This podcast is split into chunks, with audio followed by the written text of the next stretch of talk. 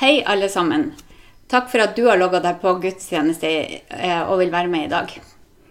Nå er det seks uker siden vi var samla fysisk, og jeg må si jeg savner dere.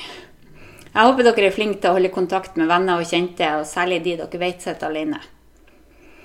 Dagens tema ser dere på skjermen, det er håp. Sist snakka jeg om klage, og man kan jo tro at håp og klage er to vidt forskjellige temaer, men jeg tror de henger nøye sammen. Jeg tror de går hånd i hånd. For jo vanskeligere livet blir, jo mer trenger vi håpet. Jeg skal fortelle dere en historie. For noen mennesker de setter sterke spor. De er de som lærer oss hva som virkelig betyr noe her i livet.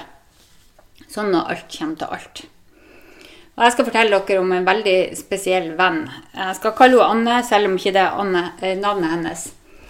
Anne ble født tidlig på 70-tallet med en alvorlig og komplisert hjertefeil. Legene gjorde alt de kunne, men de ga ikke foreldrene forhåpninger om at hun skulle leve så veldig mye lenger enn noen måneder. Da ettårsdagen kom og gikk, så ble forventningene justert litt. Kanskje kunne hun bli tre år. Og sånn gikk nå dagene og årene. Da hun var 15, så var hun gjennom en kritisk hjerteoperasjon, og da sa legene til foreldrene at nå må dere ta vare på dagene, for nå er det ikke så mange igjen. Da jeg møtte Anne, var hun 17 år. Hun var aktiv i skolelaget på videregående, og sammen med et par andre så hadde de starta andakter som de trengte litt hjelp til. Og vi hadde skoleandakter med rom full av gutter som egentlig var der for å gjøre narr av oss som trodde på Gud. Men så skjedde det mye fint der også, og Anne imponerte meg tidlig med pågangsmotet hun hadde, og trua si. Da vi etter hvert fikk barn, så ble Anne som ei ekstra tante og gikk ut og inn hos oss som en del av familien. Men et dårlig hjerte påvirker hele kroppen, og Anne hun klarte ikke så veldig mye. Hun hadde tungt for å puste, hun var tynn som en strek. Hun hadde smerter, og hun hadde arr. Det var mye som kunne pyntes på og kamuflere, så Anne var veldig flink til det. Hun levde fortsatt med håp om at det skulle bli mange gode dager, for legene hadde jo tatt feil så mange ganger, så hun følte seg nesten unntatt fra sånne medisinske, statistiske beregninger eller vurderinger. For hun levde jo. Hva mer var det å lure på, var liksom det hun brukte å si. Men da Anne var 23 år, så ble hun utreda for hjerte- og lungetransplantasjon. Hun var veldig spent og var gjennom utallige tester. Mens vi venta på avgjørelsen, så snakka vi om alt hun skulle gjøre når dette var over. Hun drømte om jobb, hun drømte om kjæreste, om å gå lange turer og om å reise mer. Hun håper på alt det som de fleste av oss kan ta som en selvfølge. Et hverdagsliv med mulighet til å styre kroppen sin. Hjerte- og lungetransplantasjon var eneste utveien nå. Legene sa at hun hadde mindre enn et år igjen å leve hvis hun ikke fikk den. Vi håpa på det beste. Vi ba Gud la det gå godt. Gud legg til rette. Gud hjelp henne. Og alt annet ble veldig mye mindre viktig for det handler om liv og død for Anne. Da svaret kom, så var det avslag. Legene trodde ikke at hun var sterk nok til å overleve en transplantasjon. Anne var knust, alt ble mørkt, og jeg har aldri følt meg så hjelpeløs. Ingenting kunne trøste. Jeg prøvde å være nær, sånn at hun i hvert fall ikke skulle være alene. Eh, og det var et sjokk å besøke henne på lukka avdeling på psykiatrisk sykehus. Men Anne fikk hjelp der. Jeg husker ikke hvor lang tid det tok, men gradvis så kom livsmotet tilbake. Vi snakka om hva hun skulle gjøre de siste månedene hun hadde igjen.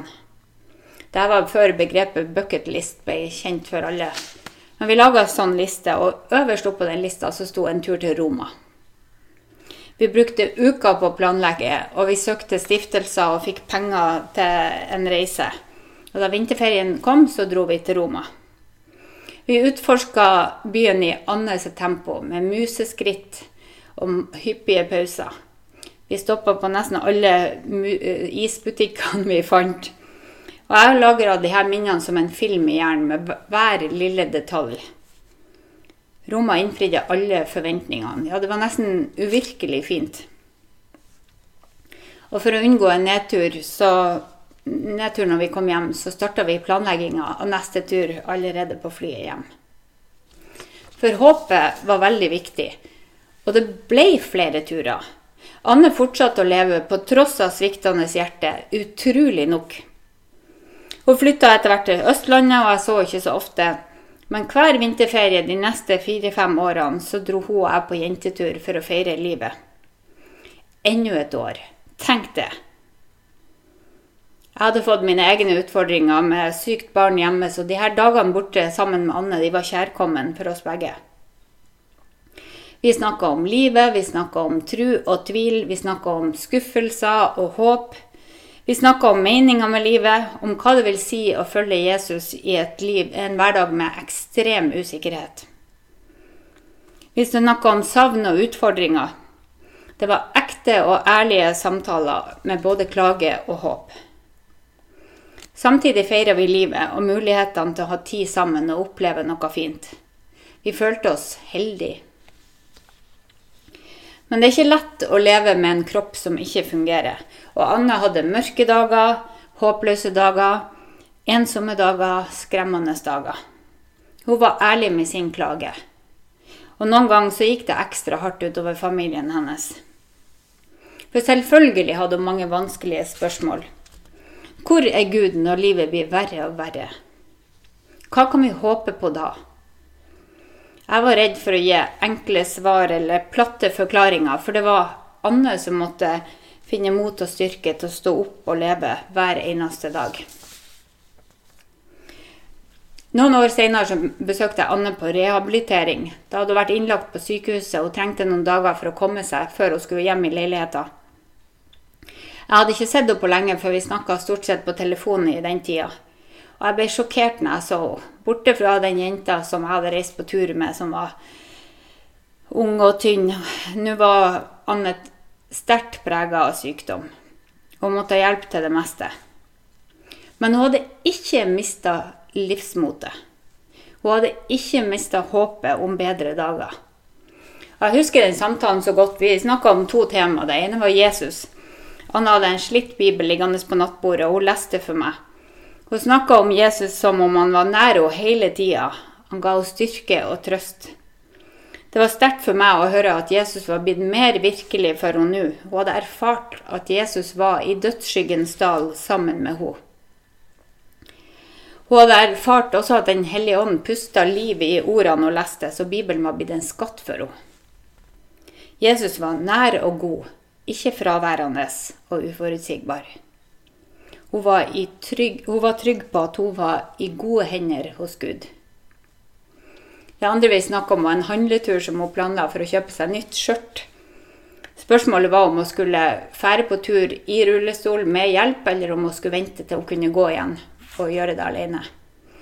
Etter lett overtaling så endte hun på det siste, men hun var helt sikker på at hun kom til å bli frisk og komme seg ut fra rehabilitering og flytte hjem igjen. Hun hadde ikke mista håpet om det. Men dessverre tok hun feil. Få uker etterpå så døde Anne. Hun ble 36 år gammel.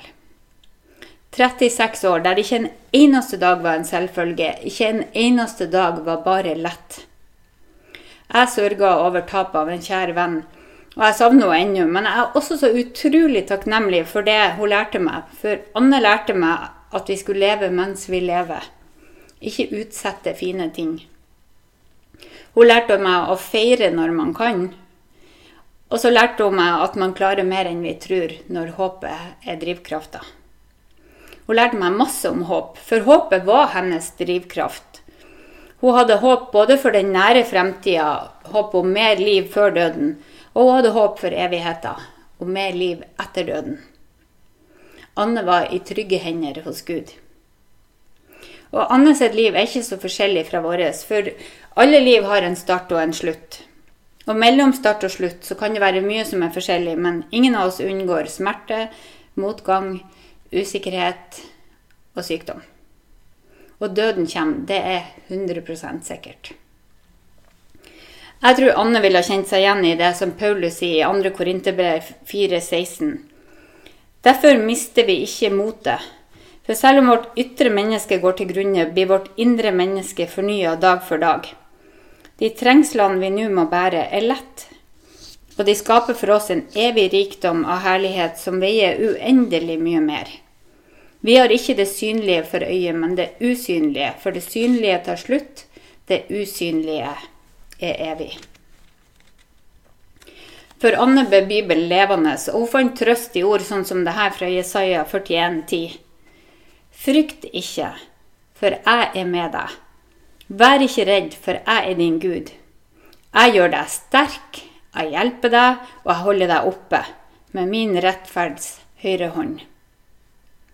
Dette er vers som jeg tror vi alle kan trenge når håpløsheten truer med å flytte inn i tankene våre. De som forsker på håp, de snakker om tre dimensjoner av håp. og Jeg skal, jeg skal vise dere hva de sier. Da har det det generelle håpet, det kontekstuelle håpet, det håpet vi opplever når vi kommer i en krise, og så det ultimate håpet. Jeg skal si litt om de her tre. Det generelle håpet er det som vi til daglig omgir oss med uten at vi tenker på det. Det er det håpet som gjør at vi puster og spiser og trener og tar vare på helsa vår. Det generelle håpet tenker vi lite på, for vi tar det nærmest som gitt. Dag for dag mens vi planlegger fremtida som om livet er stabilt og uendelig. Men så har vi krisehåpet, eller det kontekstuelle håpet, som er håpet vi får når noe går skikkelig galt. Når vi opplever en krise, det kan være sykdom eller ulykke eller en pandemi for den saks skyld, da raser tankene av sted, og livet er blitt mer skremmende og kaotisk enn før. På et øyeblikk så kan man miste tilliten til, til livet og tryggheten i livet. Og da vekkes krisehåpet, som er håpet om en dag i morgen. Håpet om trygghet i utryggheten. Håpet om å få den normale hverdagen tilbake igjen. Den man har tatt for gitt i alle de år. Og i krise er det mange som søker til Gud for hjelp. Det er i krise vi opplever hvor mye vi egentlig levde i fremtida. Hvor mye glede vi hadde i forventninger og planer. Når krisa rammer, så ønsker vi oss tilbake til det vi tok som en selvfølge før. Krisehåpet hjelper oss til å ta én dag om gangen og kjempe videre. Og den som har håp, får kraft til å fortsette. Forskning på kreftpasienter viser at den som håper, har det bedre enn den som ikke håper. Håpet får frem det beste i oss, og håpet produserer glede, helt uavhengig om det går i oppfyllelse eller ikke. Og uten håp blir lidelsen tung å bære. Men når alt menneskelig håp er ute, så har vi det ultimate håpet. Som er det håpet vi trenger i møte med døden. For når døden kommer, så kan vi ikke lenger gjøre noe som helst for å påvirke framtida. Det ultimate håpet er at Jesus er sterkere enn døden. At livet er sterkere enn døden. Oppstandelsen første påskedag den forandra verdenshistorien. Og Bibelen sier at en dag skal Jesus komme tilbake, og da skal han skape alle ting ny. Da skal Guds rike og Guds vilje få gjennomsyre alle ting. Og det står at det skal ikke være gråt eller sorg eller smerte. Helge Standal snakka om det her på første påskedag. Han sa vi vet ikke hva som venter oss på andre sida av døden. Vi vet ikke konkret hva som venter oss, men vi vet hvem som venter oss. Jesus venter oss. Og det her håpet er ikke trøst bare for den som går inn i døden, men også for de som blir igjen. For løftet om at den som dør, er i gode hender, og at vi skal møtes igjen, kan være det vi trenger for å gå videre, vi som mister noen. Timothy Keller han sa det sånn her i en podkast jeg hørte. Uten håp er det nesten umulig å møte livet og holde ut i lidelse. Men håpet må være forankra i noe virkelig og varig. Ekte håp hjelper oss til å takle både sorg og glede. I Jesus Kristus har vi et levende håp, grunnfesta og opprettholdt i en evig og levende frelser. I Jesus Kristus har vi et levende håp, grunnfesta og opprettholdt i en evig levende frelser. Det håpet som holder i alle situasjoner, er håpet vi har i Guds sønn Jesus Kristus. Og håpet levende fordi Jesus lever. Johannes 3, 16 oppsummerer evangeliet i ett enkelt vers. For så høyt har Gud elska verden, at han ga sin sønn den enbårne, for at hver den som tror på Han, ikke skal gå fortapt, men ha evig liv. Og Jesus har lova å være med oss alle dager, både de gode og de tøffe. Vi er ikke alene. Vi har en frelser som er vel kjent med all slags plage og smerte. Så klage og håp de kan gå hånd i hånd. Vi vet jo ikke så mye om fremtida. Kanskje blir den stabil og trygg igjen ganske fort. Og kanskje tar det litt tid, men i mellomtida kan vi trøste og oppmuntre hverandre. Vi kan minne hverandre om det håpet vi har i Jesus, og vi kan be for hverandre og for den verden vi lever i. Vi kan gjøre kreative, fine ting som å legge blomster på trappa til naboen eller å sende ordentlige kort i posten. Men det holder faktisk at vi er nær. Og det kan vi gjøre på telefon eller digitalt inntil vi kan møtes igjen. Vi trenger hverandre. Henry Cloud, som er psykolog, han har fortalt om en studie som ble utført på aper for en god del år siden.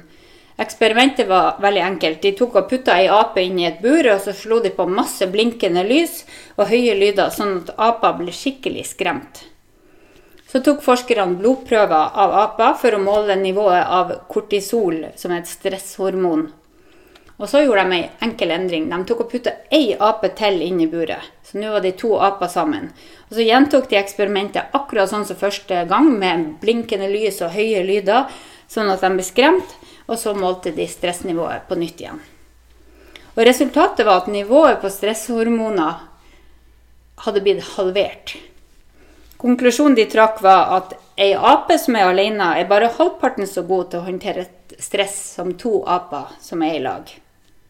Ei ape som er alene, er bare halvparten så god til å håndtere stress som to aper som er i lag. Og Hvis vi bruker dette bildet, så trenger vi alle ei ape i livet vårt. Vi trenger noen som er nær. Det hjelper oss å takle stresset og bevare håpet. Så kanskje det aller viktigste jeg gjorde for Anne de årene jeg kjente henne, var å være der for henne. Jeg kunne ikke fikse noe, men jeg kunne være nær. Jeg kunne være en venn. Og jeg er så glad for at jeg fikk lov å se livet hennes på nært hold. Trua hun hadde på Jesus som ung jente, den holdt helt til slutt. Og det hjelper meg til å holde fast på trua leve i nåden og fortsette tjenesten for Jesus ved å dele håpet om at vi er alltid i gode hender hos Gud. Fra nå og til evig tid. Amen.